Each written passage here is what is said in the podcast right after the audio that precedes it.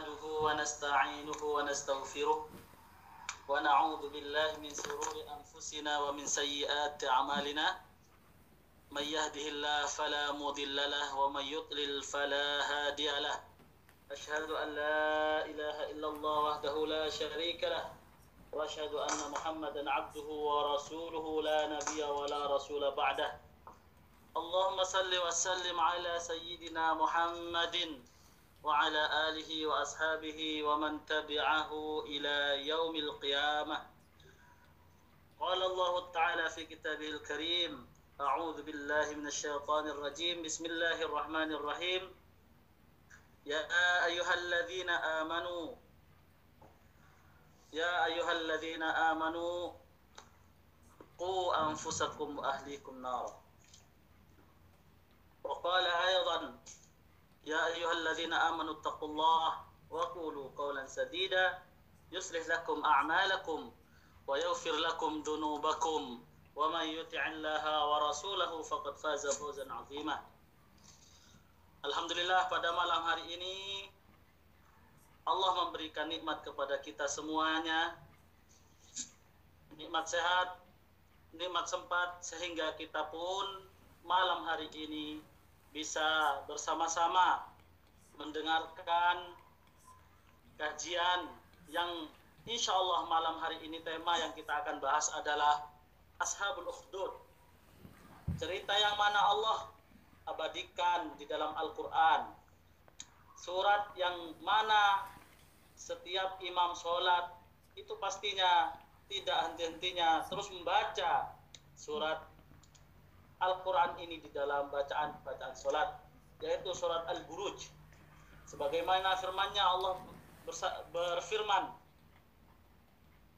wasama idzatil buruj wal yaumil maw'ud wa syahidi wa mas'ud qutila ashabul ukhdud an-nari dzatil waqud idhum 'alaihi qu'ud. Al-ayah Ibu-ibu sekalian yang dirahmati Allah Subhanahu wa taala, dalam ayat Al-Qur'an ini amat sangat jelas bahwasanya Ashabul Ukhdud, cerita Ashabul Ukhdud ini memang benar-benar ada dan nyata. Allah mengabadikannya di dalam Al-Qur'an. Kenapa demikian? Karena di dalam cerita Ashabul Ukhdud terdapat banyak pelajaran, terdapat banyak hikmah yang bisa kita ambil dan kita realisasi dalam kehidupan kita sehari-hari.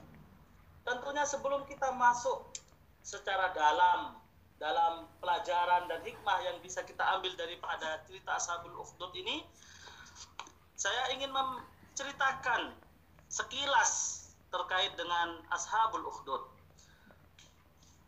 Di dalam Al-Quran, memang Allah menyebutkan cerita Ashabul Ukhdud ini secara global, tidak detail.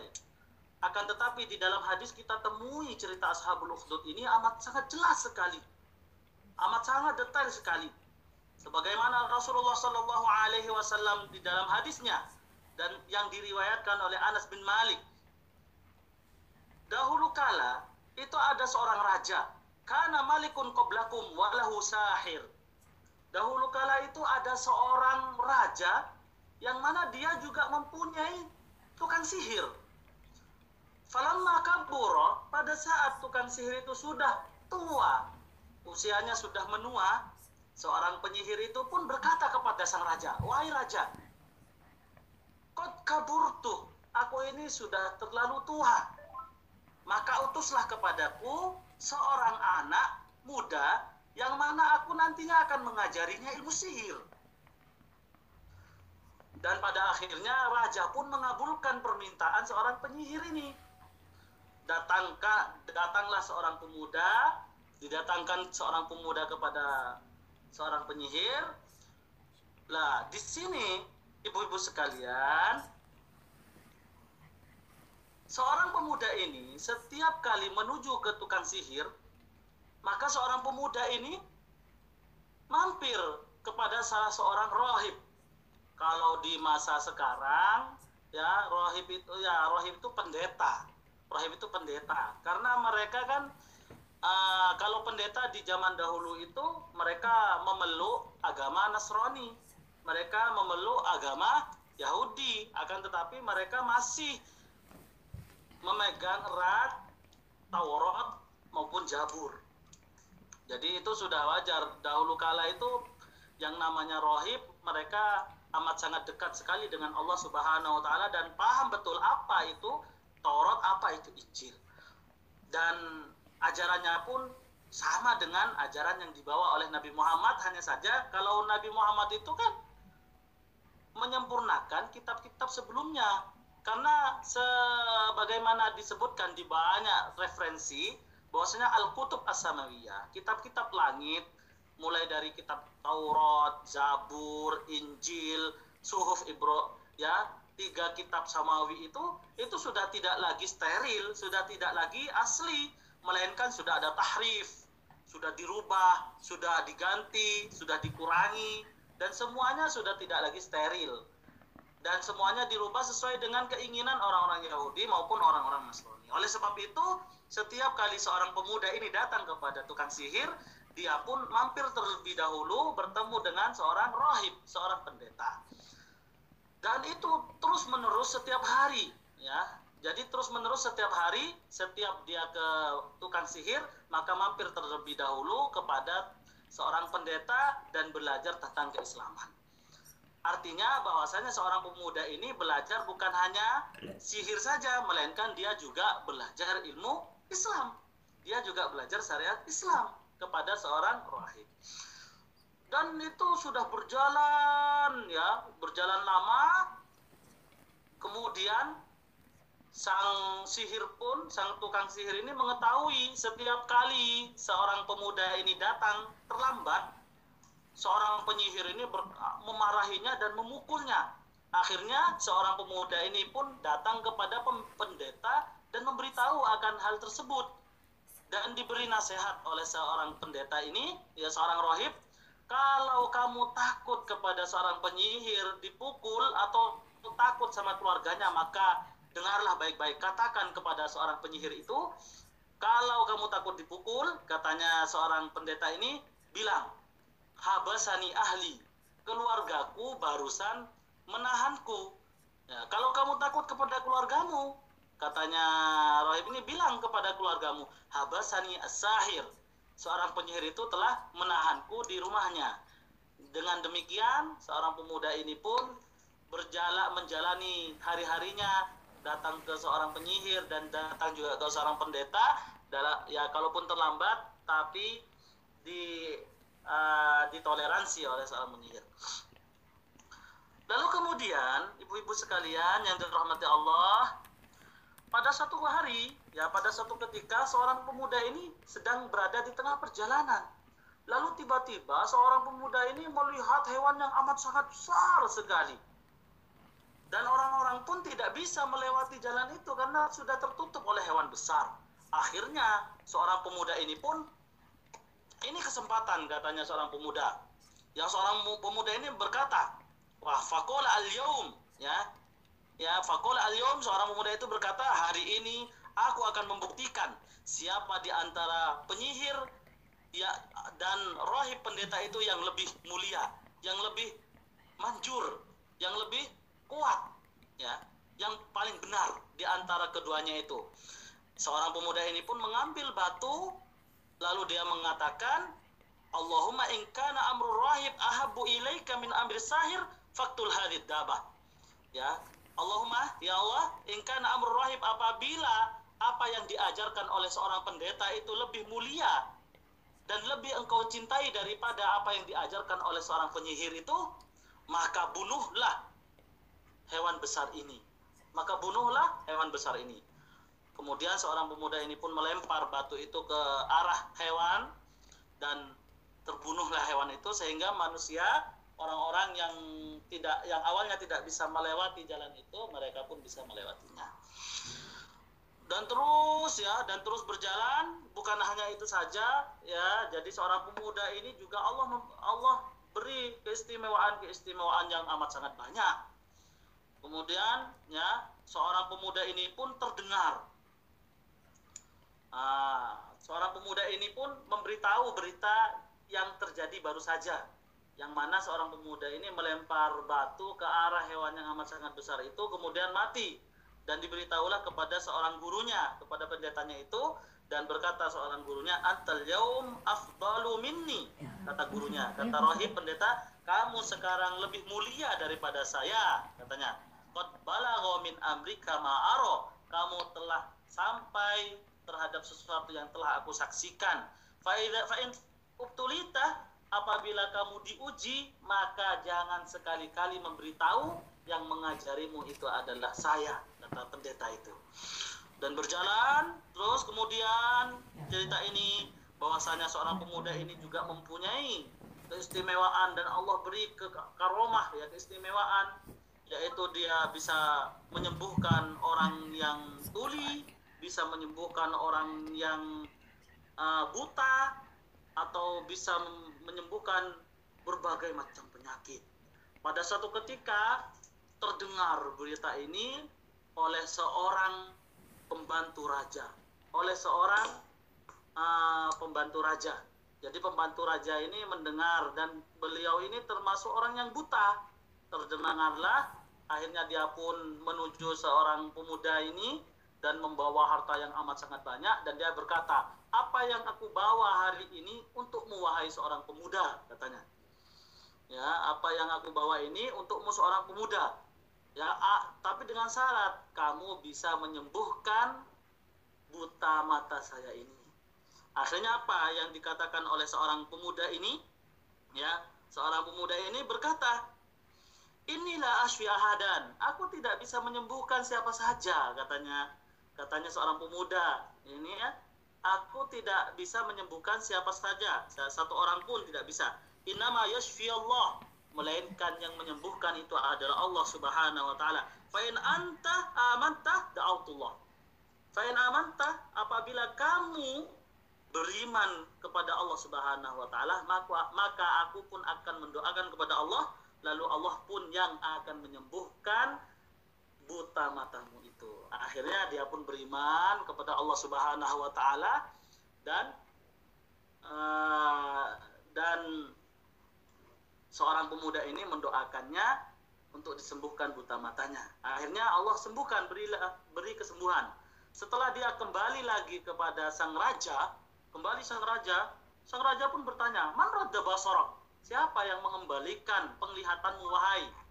Ya, Siapa yang yang mengembalikan penglihatanmu wahai pelayan katanya wahai pendamping saya diberitahulah bahwasanya yang memberi ya yang menyembuhkan mata ini adalah seorang pemuda yang engkau ajari sihir dan lain sebagainya. Lalu anak kecil itu ya gulam ini pemuda ini pun dipanggil oleh sang raja dan ternyata seorang pemuda ini juga uh, ditanya siapa yang mengajarimu. Ternyata yang mengajarinya adalah seorang pendeta itu dan diberitahu dipanggillah sang pendeta. Dan ketiga-tiganya yang pertama itu pelayan raja ini akhirnya dihukum mati. Demikian juga sang pendeta pun juga sama hukumannya mati. Sementara sang pemuda ini ya sementara sang pemuda ini oleh sang raja di suruh ya dibawa ke gunung yang amat sangat tinggi. Lalu sesampainya di atas disuruh lempar anak muda ini tapi Allah Subhanahu wa taala sekali lagi menyelamatkan seorang pemuda ini Allah menyelamatkan seorang pemuda ini sehingga semuanya prajurit yang membawa seorang pemuda ke gunung semuanya tewas tinggal pemuda ini dan dia pun kembali mengajak sang raja untuk beriman kepada Allah Kemudian sang raja pun menyuruh pasukannya untuk membawa sang anak pemuda ini ke tengah lautan dengan sampan, dengan perahu. Sesampainya di tengah lautan, ya sang raja pun memerintahkan pada pasukannya untuk menenggelamkan pemuda ini ke dalam lautan, dasar lautan. Sekali lagi Allah menyelamatkan apa yang ingin dilakukan oleh sang raja ini.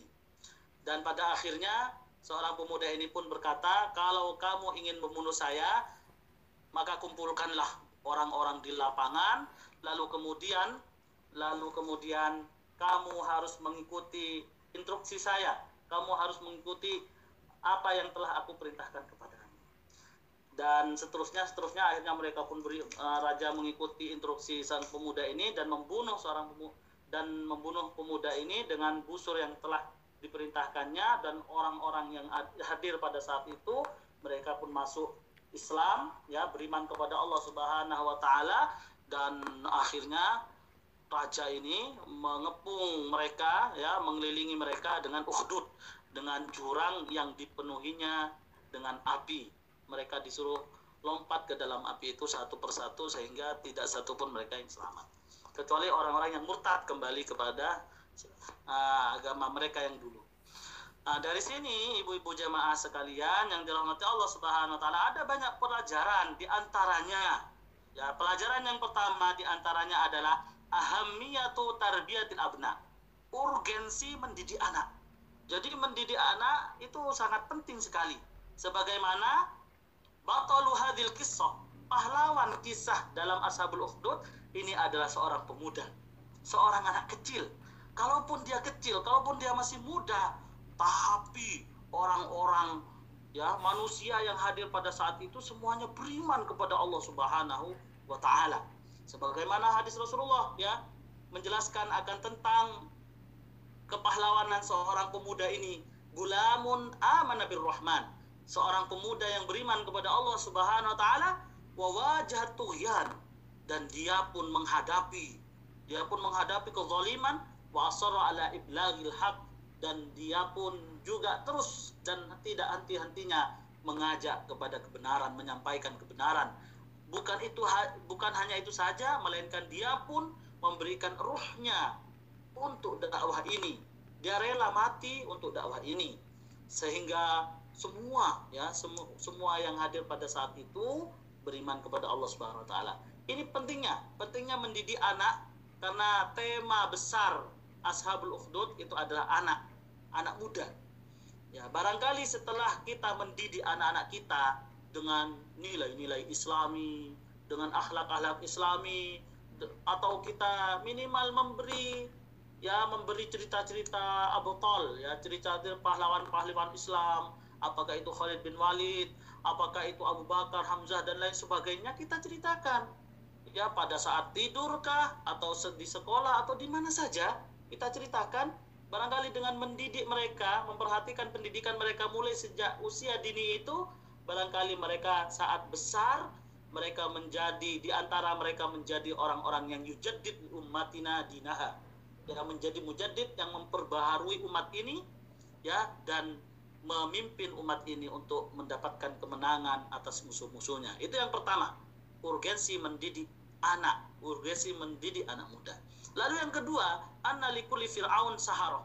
Dan ketahuilah, poin yang kedua ini, bahwasanya setiap Fir'aun, setiap penguasa, itu pasti mempunyai tukang sihir. Dan setiap tukang sihir itu sesuai dengan zaman. Sesuai dengan zaman yang uh, yang di yang hidup di saat itu. Ya kalau misalnya sekarang ya setiap raja atau setiap pemimpin atau setiap uh, penguasa itu pasti ada orang-orang yang menjilat, ada orang-orang yang sihir dan orang-orang sihir ini yusabbihu nabi hamdi. Ya, ya orang-orang sihir ya orang-orang yang selalu ada di samping raja, penguasa-penguasa sebelumnya itu tugasnya mereka yusabbihu nabi hamdi. Mereka hanya memuji-muji sang raja, mereka hanya menghiasi apa yang dilakukan oleh sang raja dan mereka munafik ya membicarakan sesuatu yang tidak sesuai dengan realita. Dan mereka ibaratnya itu ya seperti lalat ya seperti lintah ya seperti lintah yang ada yang ada di bair ya ada di unta atau apa yang menyedot mengisap ya mengisap darah yang mana apabila sudah mati ya mati. Jadi ketergantungan orang-orang yang ada di samping raja ini sangat besar karena mereka tidak lain tujuannya hanya untuk mendapatkan harta daripada sang raja dan kehancuran mereka itu ya disebabkan kehancuran raja itu dan keberadaan mereka karena adanya raja. Kalau sudah raja itu tidak ada ya sudah. Dan yang ketiga, ta'liqu nufus al-mad'uwin billahi wahdah. Ini mengkorelasikan diri kita atau uh, menghubungkan setiap orang yang kita ajak dengan Allah Subhanahu wa taala semata.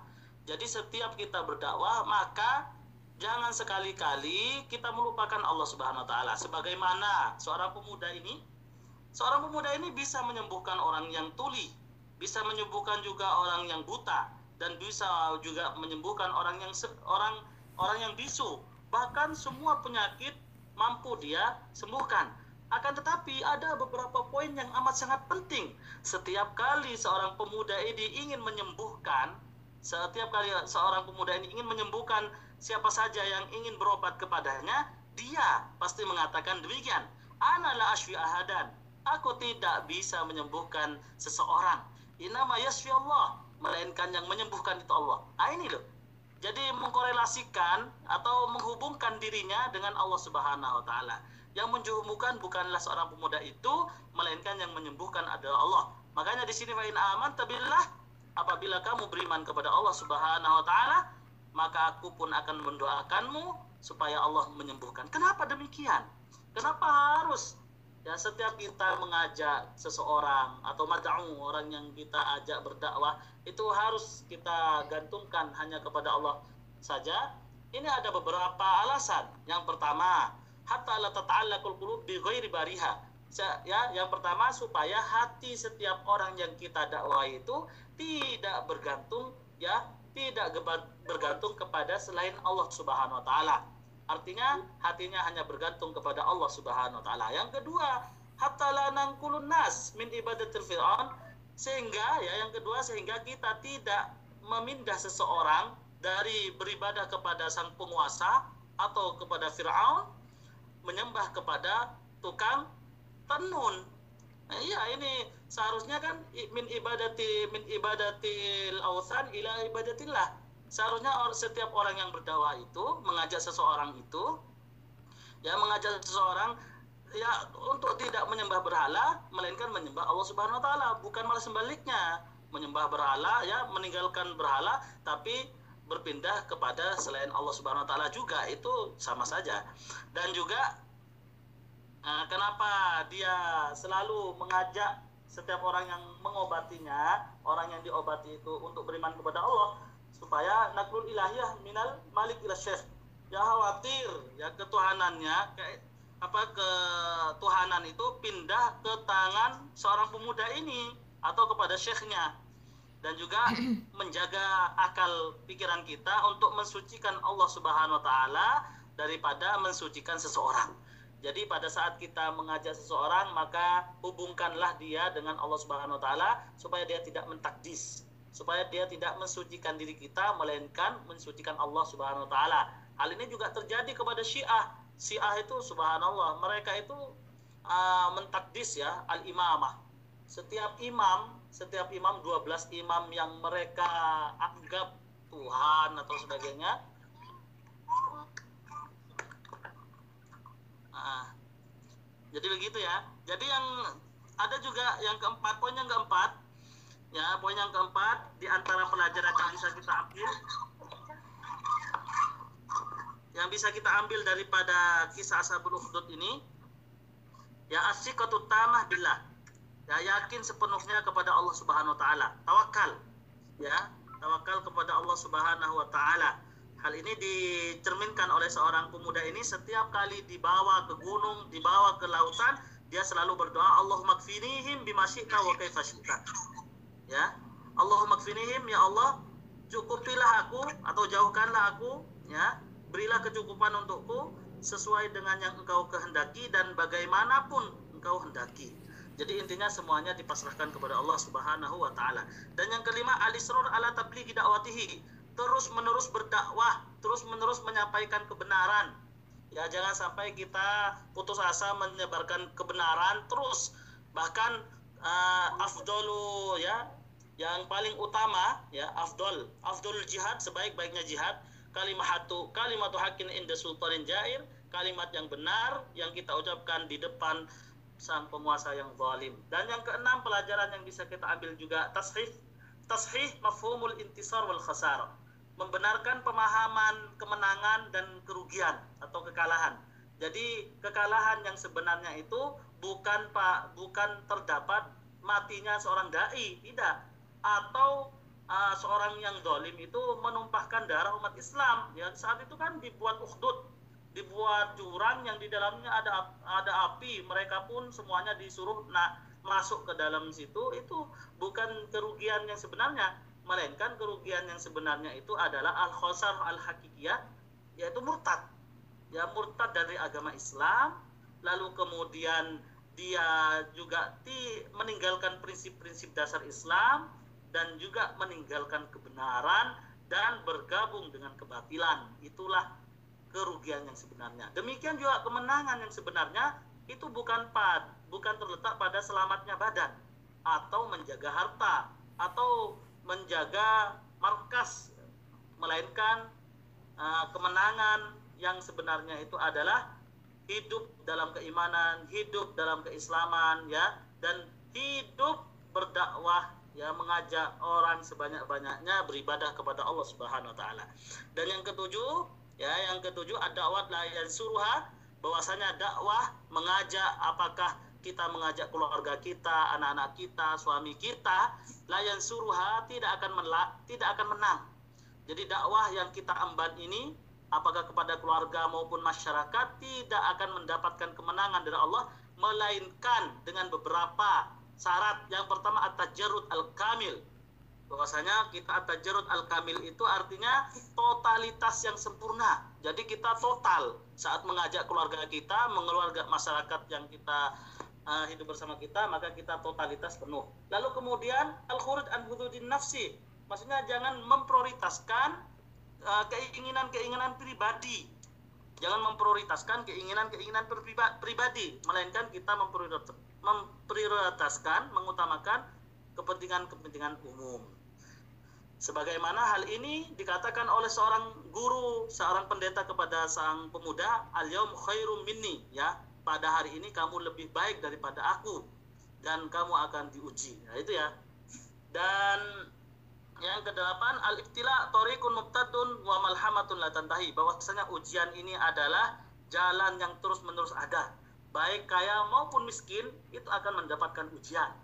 Wa nabluwakum bil khairi fitnah dan ketahuilah bahwasanya ujian dari Allah Subhanahu wa taala itu bisa bentuknya kebaikan ataupun bentuknya keburukan. Orang yang kaya diuji dengan kekayaannya, orang yang miskin akan diuji dengan kemiskinannya. Dan ketahuilah bahwasanya ujian itu supaya Allah mengatur ayyukum ahsanu amala. Siapa di antara kalian yang paling baik perbuatannya? Inna akramakum indallahi atqakum. Baik, yang kesembilan, al-kufru millatun wahidah. Ya, jadi yang terakhir, yang terakhir bahwasanya keimanan, al-iman jadwatun la takhmat. Bahwasanya keimanan setiap orang itu adalah obor atau api yang terus-menerus sama dengan matahari yang tidak akan henti-hentinya terbenam. Yuriduna yutfi'u nurallah. Mereka orang-orang kafir hendak memadamkan cahaya Allah. Walakin Allah yurid uh, yuriduna ayatfi'u nurallah wallahu mutimmu nurihi walau karihal musyrikun. Dan Allah tetap menyempurnakan cahayanya meskipun orang-orang musyrik orang-orang kafir uh, hendak memadamkannya. Barangkali ini yang bisa kami sampaikan. Cukup ya Bu? Cukup? Ya Ustaz. Ya, suaranya jelas atau putus jelas Ustaz. Jelas jelas sekali oh iya. Ya jadi seperti itu bahwasanya hikmah dan pelajaran yang bisa kita ambil daripada kisah ashabul ashabul ukhdud ini amat sangat banyak sekali dan semoga kita semuanya yang menyimak yang mendengar pada malam hari ini oleh Allah Subhanahu wa taala diberikan kemudahan-kemudahan untuk merealisasikan apa yang kita dapati malam hari ini dalam kehidupan kita sehari-hari. Semoga kita pun bisa memelihara keimanan kita, menambah kualitas keimanan kita, menambah kualitas ketakwaan kita kepada Allah Subhanahu wa taala. Jangan sekali-kali kita kalah dengan seorang pemuda ini. Ini seorang pemuda akan tetapi di kedua tangannya lah beriman sekian banyak orang. Dan ketahuilah setiap kita mengajak berdakwah mengajak seseorang untuk beribadah kepada Allah, mengajak seseorang untuk berbuat baik, maka kita pun akan mendapati pahala yang sama dengan orang yang melakukannya itu. Ad-dalu ala khairin kafa'ili. Setiap orang yang menunjukkan kebaikan orang lain lalu dia pun mengamalkannya maka sama pahalanya dengan orang yang melakukannya. Dan janganlah bosan-bosan kita berdakwah, kita mengajak orang lain untuk berbuat baik, untuk berdakwah, untuk beribadah kepada Allah Subhanahu wa taala.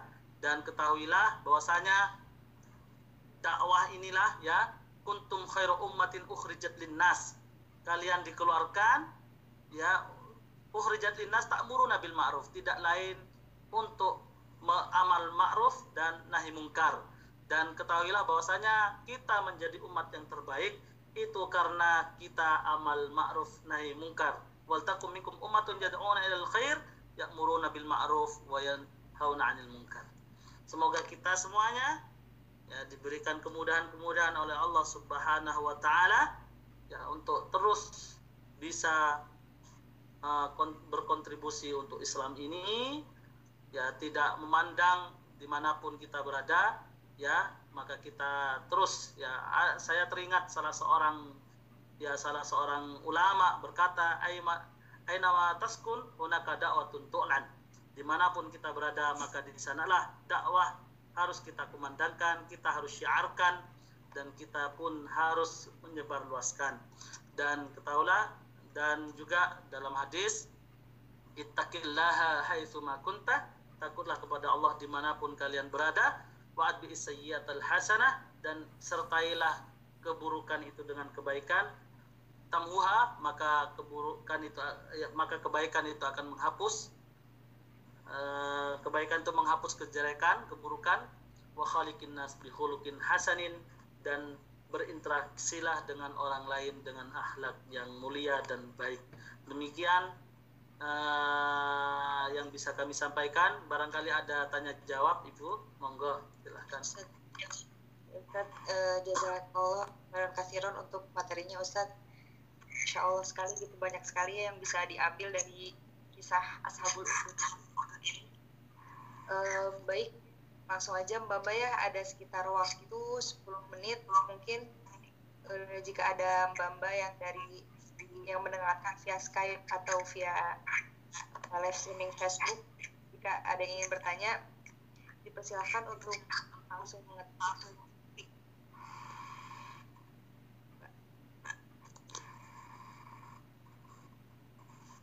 ada yang ingin bertanya bertanya dipersilahkan.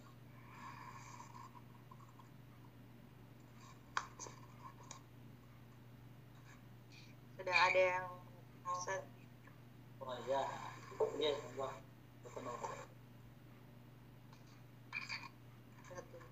tunggu ya. Ini kajiannya rutin ya Bu ya? ya Ustaz dua minggu sekali Oh dua minggu sekali ya Subhanallah. ya online yang online ya. Ini yang tidak online yang hadir di sana ada nggak? Kalau yang tidak online itu nanti biasanya jadi sebenarnya setiap minggu muslimah alim cyber kan namanya Ustaz seminggu eh, online live ini maksudnya ini seminggunya lagi rekaman Oh begitu ya. Subhanallah. Ya. Sementara yang anu ini yang mengikuti banyak ya. ya di sini ada yang mengikuti sudah sudah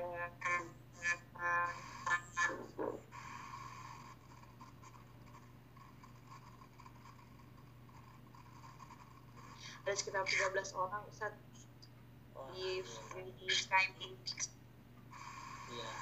ada disiarkan di live streaming Facebook juga Oh begitu ya. Ya, monggo ada pertanyaan barangkali. Waduh, ada pertanyaan. ini ada dari Mbak Bella Ustaz Ustaz, bagaimana tips agar kita tidak baper atau perasaan ketika ditolak saat mengajak dalam kebaikan atau saat berdakwah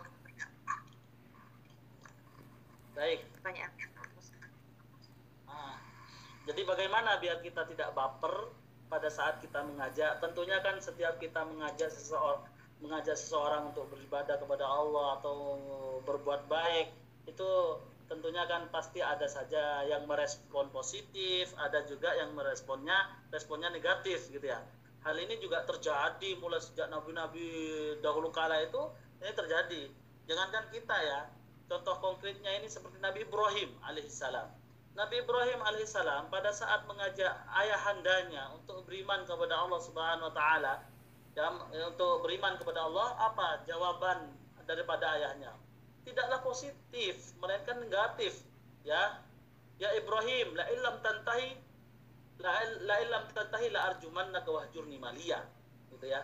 Jadi ini jawaban ayahnya Nabi Ibrahim. Wahai Ibrahim, kalau kamu la illam tantahi, jikalau kamu tidak berhenti-henti, tidak henti-hentinya mengajak aku beriman kepada Allah Subhanahu wa taala, la arjumannaka. Aku pun akan melemparinya batu. Aku pun akan melemparimu batu wahai Ibrahim. Wahjurni malia dan pergilah kamu dari rumahku. Pergilah jauh, diusir oleh bapaknya sendiri. Ini oleh bapaknya sendiri. Bayangkan bagaimana Nabi Ibrahim pada saat itu saat mengajak ayahnya. Belum lagi saat Nabi Ibrahim mengajak kaumnya untuk beriman kepada Allah. Apa respon kaumnya? Ya, qalu hariku. Mereka pun berkata, hariku, bakar Ibrahim itu. Wansuru alihatakum dan mintalah pertolongan kepada Tuhan-Tuhan kalian. Inkanu fa'ilin apabila mereka bisa menolongmu, katanya kaumnya. Kan akhirnya Nabi Ibrahim pun pada saat mengajak mereka untuk beriman, dijawablah dengan api, dengan kobaran api. Akan tetapi sekali lagi Allah menolong hamba-hambanya yang selalu ikhlas, menolong hamba-hambanya yang selalu berdakwah di jalan Allah Subhanahu wa taala. Ya, jadi ya narukuni bardan wasalaman ala Ibrahim. Wahai api, jadilah kamu dingin dan menyelamatkan Ibrahim alaihissalam. Nabi Muhammad pun demikian. Bahkan orang yang paling memusuhi Nabi Muhammad itu adalah Abu Jahal, pamannya sendiri dan banyak kerabat-kerabat Rasulullah yang tidak setuju dengan dakwah Rasulullah. Pada suatu ketika Rasulullah Shallallahu Alaihi Wasallam, ya Rasulullah Shallallahu Alaihi Wasallam mendapatkan wahyu dari Allah Subhanahu Wa Taala, wa anzir ashiratakal akrabin, berilah nasihat orang-orang terdekatmu. Rasulullah pun Rasulullah pun saat itu ya di waktu subuh langsung ke ke gunung ya ke Jabal Qubais dan Rasulullah pengumuman kepada kufar Quraisy. Pada saat itu kepada penduduk alimat penduduk Mekah pengumuman ya masyarakat Quraisy wahai orang-orang Quraisy ta'al ta'alau kemarilah kemarilah kemarilah. Ya lalu Rasulullah pun bersabda apakah kalian percaya kepadaku? Apabila aku mengatakan di belakang bukit atau di belakang gunung itu di waktu subuh ada pasukan berkuda menyerang kalian. Di waktu pagi apakah kalian membenarkan hal tersebut? Mereka pun menjawab orang-orang kafir Quraisy menjawab naam ya iya Rasulullah kami tidak pernah menemuimu bohong kami tidak pernah menemuimu dusta melainkan kami menemuimu jujur oleh sebab itu mereka menjuluki Nabi Muhammad meskipun mereka tidak sepenuhnya beriman kepada Muhammad, mereka menjulukinya dengan Al-Amin, orang yang terpercaya. Ini Nabi Muhammad. Tapi pada saat mereka mengatakan kami percaya kepada Muhammad, tiba-tiba Abu Jahal pun maju ke depan dan berkata kepada Nabi Muhammad, "Alihadza jama'tana ya Muhammad? Apakah hanya untuk ini saja kamu mengumpulkan kami wahai Muhammad?" Tabbanlakah katanya Abu Jahal celaka bagimu wahai Muhammad turunlah ayat Allah Subhanahu wa taala tabbat yada abi lahab wa ma aghna anhu maluhu wa ma kasab sasla naran dhat lahab wa imra'atuhu hammalatal fi jidha hablum min masad. Itulah kronologi. Jadi Rasulullah nabi-nabi sebelumnya pada saat mengajak kaumnya itu ya mendapati belum lagi Nuh belum lagi Ayub belum lagi nabi-nabi sebelumnya. Bahkan di dalam hadis itu asad fitnah. Ya ujian yang paling berat ujian yang paling besar itu adalah ujian para nabi dan rasul. Sementara ujian-ujian kita yang bukan nabi dan bukan rasul itu tidak ada apa-apanya dibandingkan mereka. Bagaimana kita tidak baper? Maka banyaklah membaca cerita-cerita nabi-nabi terdahulu. Banyaklah membaca cerita-cerita para sahabat. Bagaimana mereka itu berdakwah menyebarkan Islam nilai-nilai Islam. Akan tetapi tidak mendapatkan respon yang positif melainkan mereka mendapatkan respon yang negatif. Bahkan dilemparnya dilempari batu Rasulullah sampai berdarah. Bahkan Nabi Yunus pun sampai hijrah ya naik kapal kemudian Nabi Nuh bagaimana semuanya ya kita banyak ya supaya kita tidak baper supaya kita tidak bawa perasaan pada saat ya pada saat mendapati respon yang negatif dari setiap orang yang kita ajak maka banyak-banyaklah membaca cerita nabi-nabi dan rasul sebelumnya dan apa yang mereka hadapi itu jauh lebih besar daripada yang kita hadapi pada saat ini. Demikian Ibu. Ya, baik Mbak Bella, bagaimana sudah terjawab ya Insya Allah. Uh, baik Ustaz, ada pertanyaan lagi. Yeah. Uh, Ustaz, doa apa yang sebaiknya dibaca untuk mendapat ketenangan hati selain mengucap mengucapkan? Gimana gimana?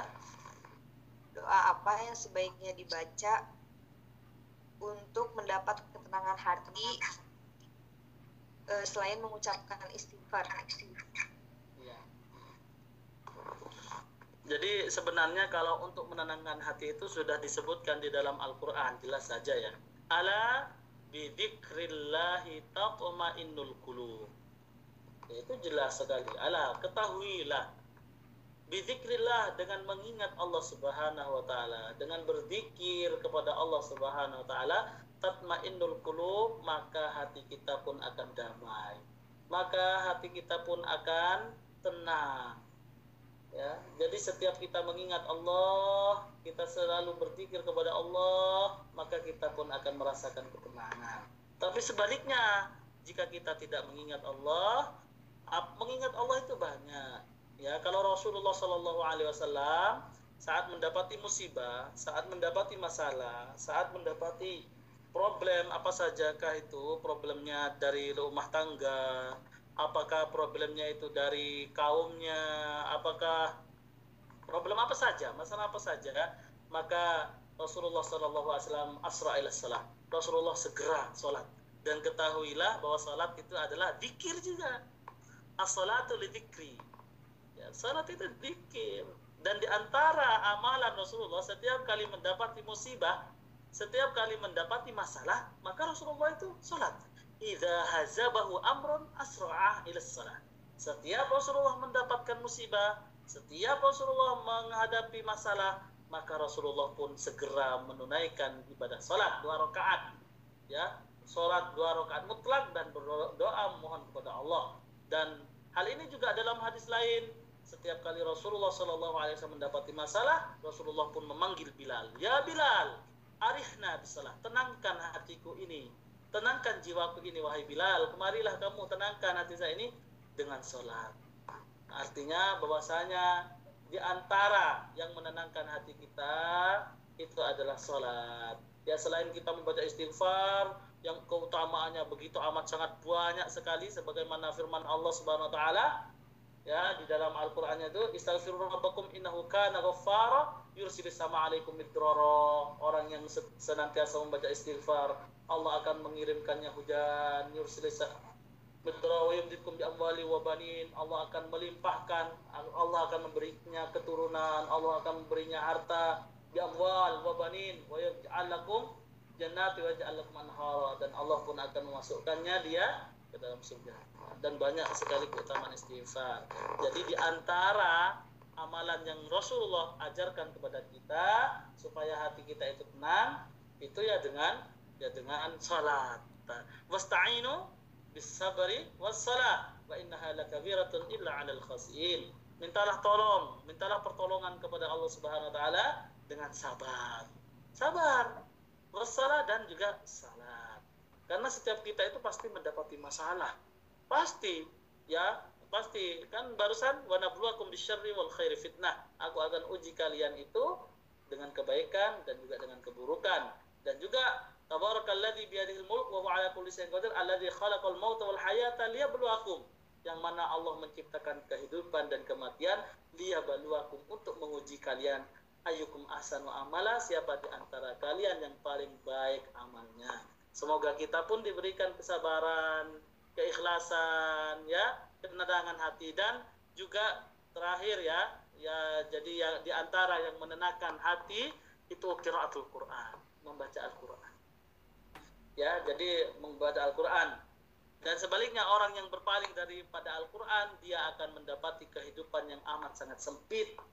Waman a'rada an dzikri fa innalahu ma'isyatan dongka siapa saja yang berpaling dari Al-Quran tidak membaca Al-Quran tidak mentadaburi Al-Quran dan tidak memahami apa yang terdapat di dalam Al-Quran ya fa innalahu ma'isyatan dongka dan baginya kehidupan yang amat sangat sempit marilah kita di tahun Hijriah ini evaluasi diri. Evaluasi diri, ya. Supaya kita pun termasuk di antara orang-orang yang ya tidak termasuk orang-orang yang hijrah Al-Qur'an, meninggalkan Al-Qur'an gitu ya. Nah, jadi itu ya di antara yang bisa menenangkan hati kita ya. Kalaupun curhat gak masalah, kalaupun curhat ya gak masalah. Curhat kepada sahabat yang uh, sahabat yang dipercaya tentunya ya. Kalau misalnya curhat kepada orang yang yang tidak dipercaya itu tidak diperbolehkan ya, tidak diperbolehkan. Khawatirnya nanti uh, rahasianya itu tersebar luas, aibnya itu tersebar luas. Tapi sebaik-baiknya kita curhatnya hanya kepada Allah Subhanahu wa taala. Demikian. Ya baik. Tadi selain istighfar itu untuk menenangkan hati, sholat, Sholat. bisa terus dengan Iya. sabar dan dengan Sabar. Al-Quran. Betul. Ya baik Mbak, dijawab ya. Dan ada pertanyaan lagi Ustadz, Ya. Eh, katanya ketika kita hidup di lingkungan mayoritas non Muslim seperti Korea, sejauh apa kewajiban kita untuk mengenalkan tentang Islam? Apakah kita harus memperkenalkan Islam secara eksplisit atau dengan akhlak dan syariat? Misalnya hijab saja sudah memenuhi kewajiban dalam berdakwah. Ah, Karena pada karena saya pernah mendengar di akhirat orang-orang muslim yang pernah bertemu dengan kita di dunia dapat mengajukan keberatan karena mereka saat interaksi dengan kita tidak pernah diajak kepada Islam mengkoreksi dan arahannya Ustaz Ya. Iya. Jadi bagaimana kalau kita hidup di minoritas, di negara minoritas Islam? Jadi langkah-langkah maka Rasulullah pun telah memberikan gambaran kepada kita, telah memberikan contoh kepada kita yang amat sangat indah sekali. Ya, bagaimana caranya? Maka kita harus kembali kepada sejarah. Maka kita harus membaca kembali sejarah. Pada masa Rasulullah Shallallahu Alaihi Wasallam, Rasulullah itu minoritas. Pada saat ada di Mekah, pada saat ada di Mekah, Rasulullah itu minoritas. Minoritas daripada orang-orang kafir. Jumlah orang kafir jauh lebih besar dan lebih banyak daripada umat Islam. Kalau saja pada saat itu mereka berdakwah berdakwah jahriyah, berdakwah terang-terangan, ya eksplisit kepada mereka, ya orang-orang kafir, habis dah. Mereka akan dihabisi. Islam barangkali tidak akan terwujud pada saat ini kalau mereka berdakwah ya kepada orang-orang kafir. Quraisy pada saat mereka di fase Mekah mereka terang-terangan ya. Jadi di sini penting ya kita penting sekali mengetahui fase Makkiyah dan fase Madaniyah bagaimana Rasulullah berdakwah pada saat beliau ada di Mekah dan bagaimana Rasulullah Shallallahu Alaihi Wasallam berdakwah pada saat beliau ada di Madinah. Dan ini penting, keduanya ini subhanallah luar biasa. Pada saat Rasulullah Shallallahu Alaihi Wasallam ada di Mekah, maka langkah yang beliau lakukan terlebih dahulu wa ashiratakal. Rasulullah mengajak orang-orang yang terdekat dengan Rasulullah. Ya, karena Rasulullah sadar, Rasulullah paham jumlah umat Islam pada saat itu minoritas kalau saja mereka ingin dihabisi oleh kufar, mereka akan habis. Dan Islam tidak akan terbekas sampai sekarang. Akan tetapi Rasulullah cerdas, Rasulullah pintar pada saat beliau ada di Mekah. Beliau mengawali dakwahnya dengan mengajak orang-orang yang terdekat terlebih dahulu. Mulai dari istrinya Khadijah, lalu kemudian Rasulullah mengajak sahabatnya yaitu Abu Bakar lalu kemudian Rasulullah juga mengajak kepada Ali lalu Rasulullah juga mengajak orang-orang yang terdekat ya Utsman dan lain sebagainya itu langkah-langkah yang pertama mengajak orang yang terdekat barulah setelah itu Rasulullah Shallallahu Alaihi Wasallam setelah mengajak Rasulullah pun memfasilitasi mereka. Memberi fasilitas pengajian. Seperti contohnya di bait uh, di Baitul Arqam uh, di salah satu rumah sahabat. Jadi mereka setiap minggunya itu ada pertemuan. Ya tidak lain tujuannya itu untuk menambah kualitas tarbiyah takwin yang mendidik mereka membentuk kepribadian Islam kepada mereka mengenalkan Islam yang sepenuhnya kepada mereka dan sebagainya. Itu langkah yang kedua. Lalu Rasulullah pun berdakwah saat itu sir sirian. Ya sir itu artinya uh, tidak uh, terang-terangan. Ya. tidak terang-terangan Rasulullah. Masih bersembunyi-sembunyi. Barulah saat umat Islam semakin banyak ya semakin banyak pemeluknya Islam saat itu di Mekah mereka pun diperintahkan oleh Rasulullah untuk mengajak umat Islam ya mengajak mereka orang-orang kafir Quraisy secara terang-terang. Kalaupun pada akhirnya mereka mendapatkan intimidasi, mereka diusir, mereka dianiaya dan sehingga Rasulullah pun memerintahkan mereka untuk hijrah ke Madinah, ya ke Madinah. Sesaatnya Rasulullah di Madinah ini beda lagi sudah dakwah pola dakwah Rasulullah itu beda lagi. Ya intinya, ya intinya ya pada saat kita dakwah maka yang perlu kita tekankan yang dan perlu kita kuasai itu adalah medan ma'rifatul medan mengetahui medan. Apabila pada saat kita mengajak ya seseorang dan akan mengancam ya akan uh, mengancam masa depan Islam ya maka kita pun harus mengetahui hal itu jadi yang perlu diketahui oleh setiap orang yang berdakwah orang yang ingin mengajak antara maslahah dengan madoroh. Apabila maslahatnya lebih banyak, maka lakukanlah. Apabila lebih banyak mendatangkan madorot, maka tinggalkanlah. Jadi intinya kita harus banyak-banyak mengetahui situasi kondisinya di lapangan sana. Karena setiap apa daerah itu berbeda. Ya intinya ya intinya jangan sekali-kali kita tidak tidak berdakwah ya. Jangan sekali sekali-kali kita tidak berdakwah, harus kita berdakwah. Ya ayatin taskun hunaka dakwatun tu'lan di mana pun kita menginjakkan kaki kita maka di situlah kita berdakwah mengajak seseorang.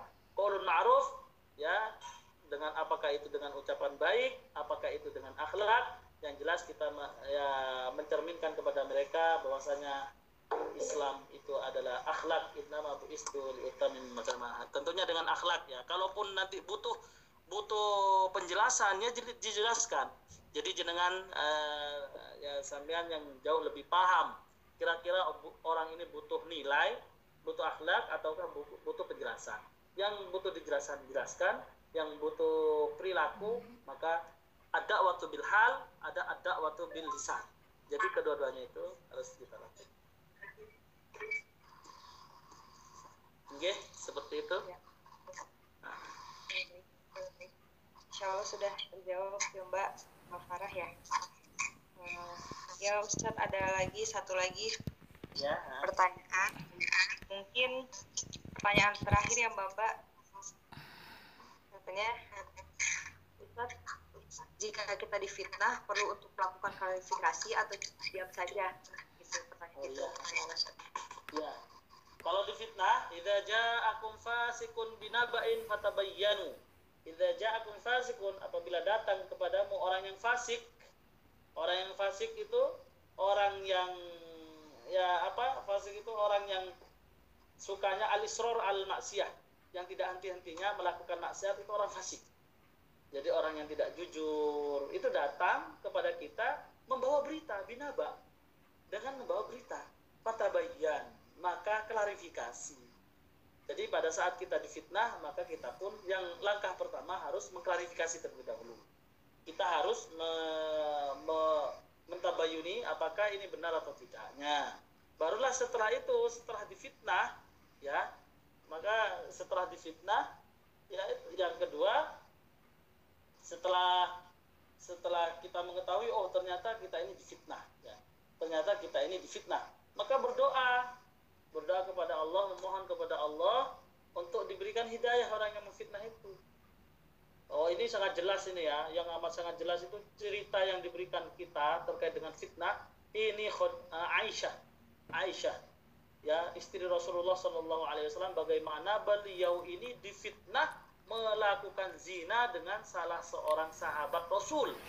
Akhirnya kan Aisyah ini subhanallah tidak keluar-keluar dari kamarnya berhari-hari bahkan berbulan-bulan sampai turunlah ayat Al-Qur'an Al-Bara'ah ya tentang membebaskan akan tuduhan zina Aisyah bersama salah seorang sahabat itu.